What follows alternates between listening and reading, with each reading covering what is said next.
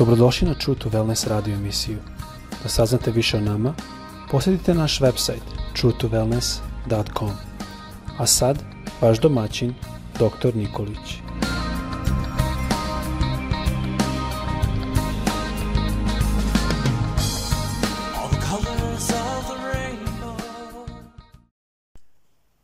Draga braćo, drage sestre i dragi prijatelji, dobar dan. Nastavljamo temu koju smo počeli, e, počeli prošli put. Kao što sam vam i obećao u ovom obraćanju, nastavit ćemo na temu rast kroz iskušenja. I da samo sumariziram uh, kratko, da dam jednu respekti, uh, retrospektivu onoga što smo govorili zadnji put. Govorili smo kako odrastati kroz kušnju i onda smo rekli da je kušnja u stvari prilika da se učini ono što treba. I Bog nas kuša da bi bili duhovno zreli ili da kažemo da te kušnje, one su u stvari stepenik e, ka duhovnoj zrelosti pre nego kamen spoticanja. I onda smo rekli kako deluju iskušenja i onda smo rekli kako Sotona u nama prepoznaje želju, pa onda drugi korak Sotona e, želi da nam stavi sumnju u odnosu na ono što je Bog rekao da ne smemo učiniti.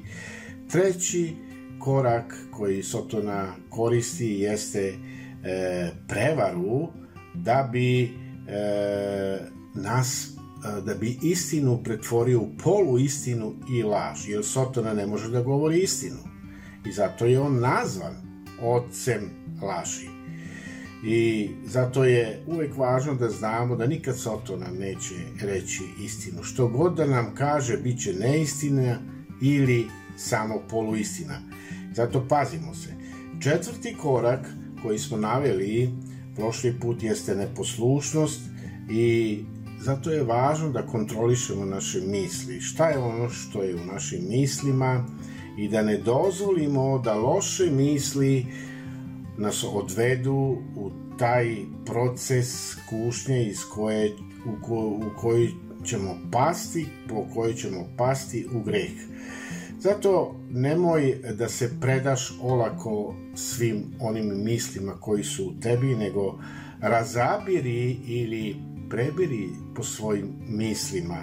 To je jako, jako važno. Neka, nego kaže jako da svako podleže iskušenju na taj način što ga njegova sobstvena požuda vuče i mami. I tu smo stali. I sada, idemo dalje. Kako savladavamo kušnju ili kako pobeđujemo kušnju? Kako prolazimo kušnju?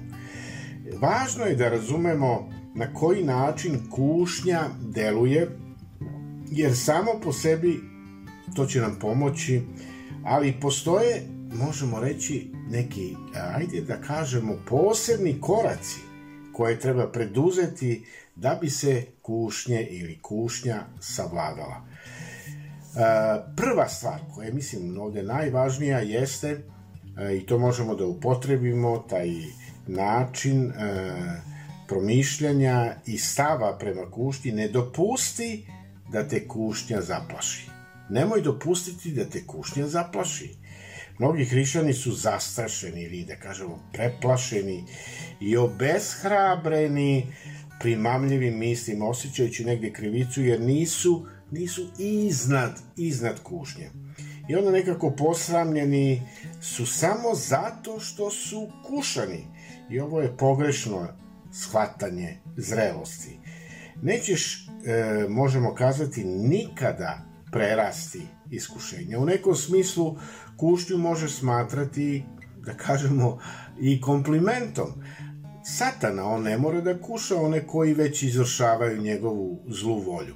Oni su već njegovi, to se zna. Ali kušnje su znak da nas ili da tebe i mene Sotona mrzi, a ne znak slabosti ili da kažemo svetovnosti. To je takođe nešto normalno za tebe, da e, jesi ljudsko biće koji živi okružen grehom i ljudima u ovome propalome svetu. Nemoj time biti iznenađen, nemoj biti ni šokiran, nemoj biti obeshrabren, budi realan i shvati da su kušnje neizbežne, ponovit ću, kušnje su neizbežne, nikad nećeš moći da ih potpuno izbegneš. Mnogi bi voleli i kažu, o, gospode, spasi me ove kušnje i spasi me ovog i ovog i ovog. Ali Bog dopušta nešto da bi nas izgradio. I postoji jedna pesma koju ja često puta uh, u mislima svojim pevam i ona kaže uh, jer da nisi bio ti Bože uh, meni na pomoći u određenim kušnjama ja ne bi znao da ti možeš. Vidite, Bog može da pobedi u našim kušnjama kada ga prizovemo u našu pomoć. I vidite, jako je važno da imamo taj stav da kad smo god kušani e, budemo svesni da Bog je tu za nas. I apostol Pavle o tome kaže i on u stvari obaveštava kaže snašlo vas je samo ljudsko kušanje. O, ovo je dobra vest. Samo ljudsko kušanje. Nismo kušani zbog greha, Isus je bio kušan, a nije nikad sagrešio, vidite. Tu možemo da do, donesemo jedan zaključak. Kušnje postaju greh samo kada? Kada im se predamo, kada se tim kušnjama predamo. E, sviđa mi se jedna misa koju je Martin Luther rekao, kaže ovako, ne možeš zabraniti pticama da lete nad tvojim glavom, ali i možeš zabraniti da na toj tvojoj glavi napravi gnezdo. Ne možeš zabraniti neprijatelju ili đavolu da ti nameće misli, ali možeš doneti odluku da ih ne zadržiš, niti da po njima postupiš. Vidite, zato uh, možemo da kažemo da su kušnje znak da nas Sotona mrzi, a ne znak slabosti ili svetovnosti. Idemo dalje. Vidite, apostol Petar, on upozorava, budite trezveni i bojte se, vaš protivnik ili ne, dite. To sam u stvari teo da kažem. Budite trezveni, bdite, jer strah ili da kažemo bojanje, ono dolazi od satane. Budi razuman, budi razborit, trezven i bdi, jer Kaže, protivnik vaš, đavo, ide okolo kao lav, koji riče tražeći koga da proždere. Zapitaj se, kada ti najviše dolaze kušnje, kog dana u nedelji ti dolaze kušnje, u koje doba dana, pitaj sebe gde mi najviše dolaze kušnje, na poslu, kod kuće, kod komšija, u kafiću, jel, na aerodromu ili u motelu van grada, e, postavljaj to trezveno pitanje, pitaj. Ko je sa mnom kad mi najviše dolaze kušnje? Prijatelji, kolege, nepoznati ljudi, vidite. E, šta hoću da kažem? E, prepoznaj šablon kojim Sotona kuša tebe i pripremi se za njega. Vidite, postoje izvesne u situacije u našem životu kada si mnogo ranjiviji za kušnje nego što je to slučaj sa nekim, da kažemo, drugim okolnostima. Ima situacije u kojima ćeš se obavezno odmah, da kažemo, spotaknuti o kušnju, dok te neke druge situacije neće mnogo dotaći. To su, u stvari, za nas jedinstvene situacije u kojima smo slab, slabi ili slaba i treba odmah da prepoznamo zato što ih Sotona sigurno zna. Vidite, to je šablon. Šablon treba da prepoznam po kom šablonu dolazi do kušnje u našem slučaju. I da onda, koliko god možeš i mogu, izbegavam situacije gde ću biti kušan i skoro pasti u toj kušnji. Sve to pismo ono nam neprekidno ponavlja da predosetimo i da budemo spremni da se suočimo sa iskušenjem. Apostol Pavle, on je rekao, ne dajte mesta đavu, ne dajte mesta đavu. Šta to znači? Mudro planiraj svoj život. Jer tada ćeš umanjiti kušnju. Drži se saveta iz priče Solomonovih. Ovo mi se jako dopada, jako dopada. I kaže Solomon mudri šta? Meri stazu nogama svojim i svi putevi tvoji neka su poravnjeni. Ne skreći ni desno, ne skreći ni levo, odvraćaj svoju nogu od zla.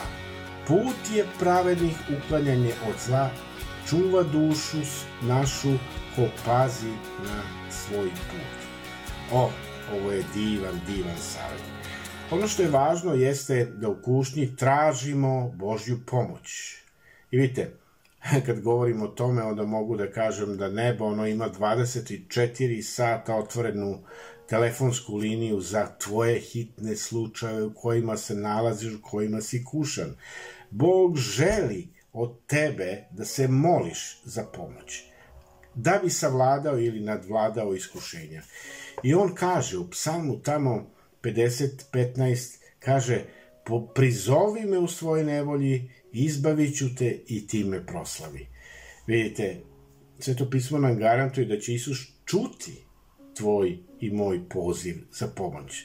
Zato što on saoseća sa nama u našoj borbi. E, on se suočava s istim kušnjama kao i mi. Jer Isus, kaže sveto pismo, on je bio u svemu iskušan slično nama, izuzev greha.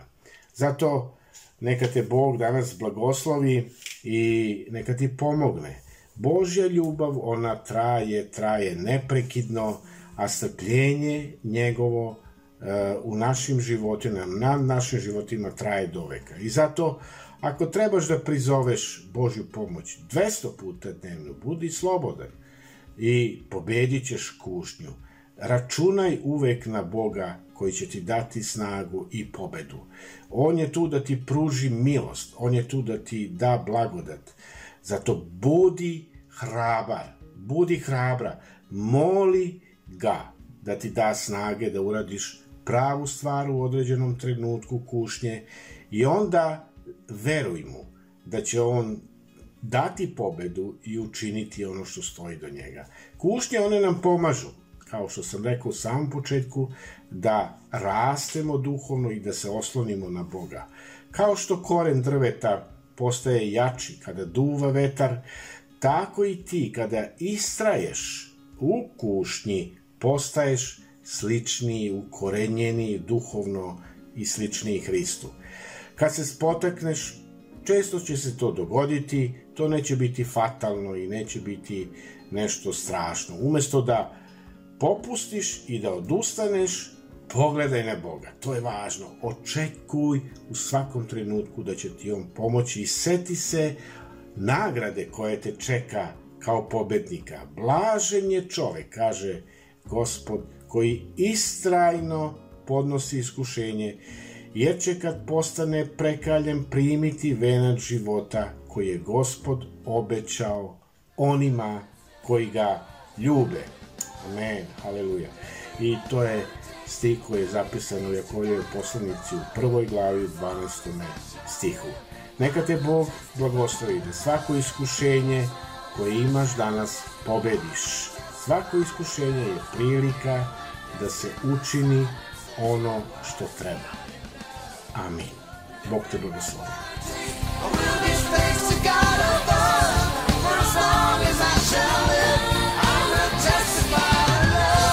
Slušajte True to Wellness radio emisiju. Pridružite nam se ponovo svaki utorak, četvrtak i subotu. Za kontakt molimo posjetiti naš website truetowellness.com. Naša e-mail adresa je info at truetowellness.com.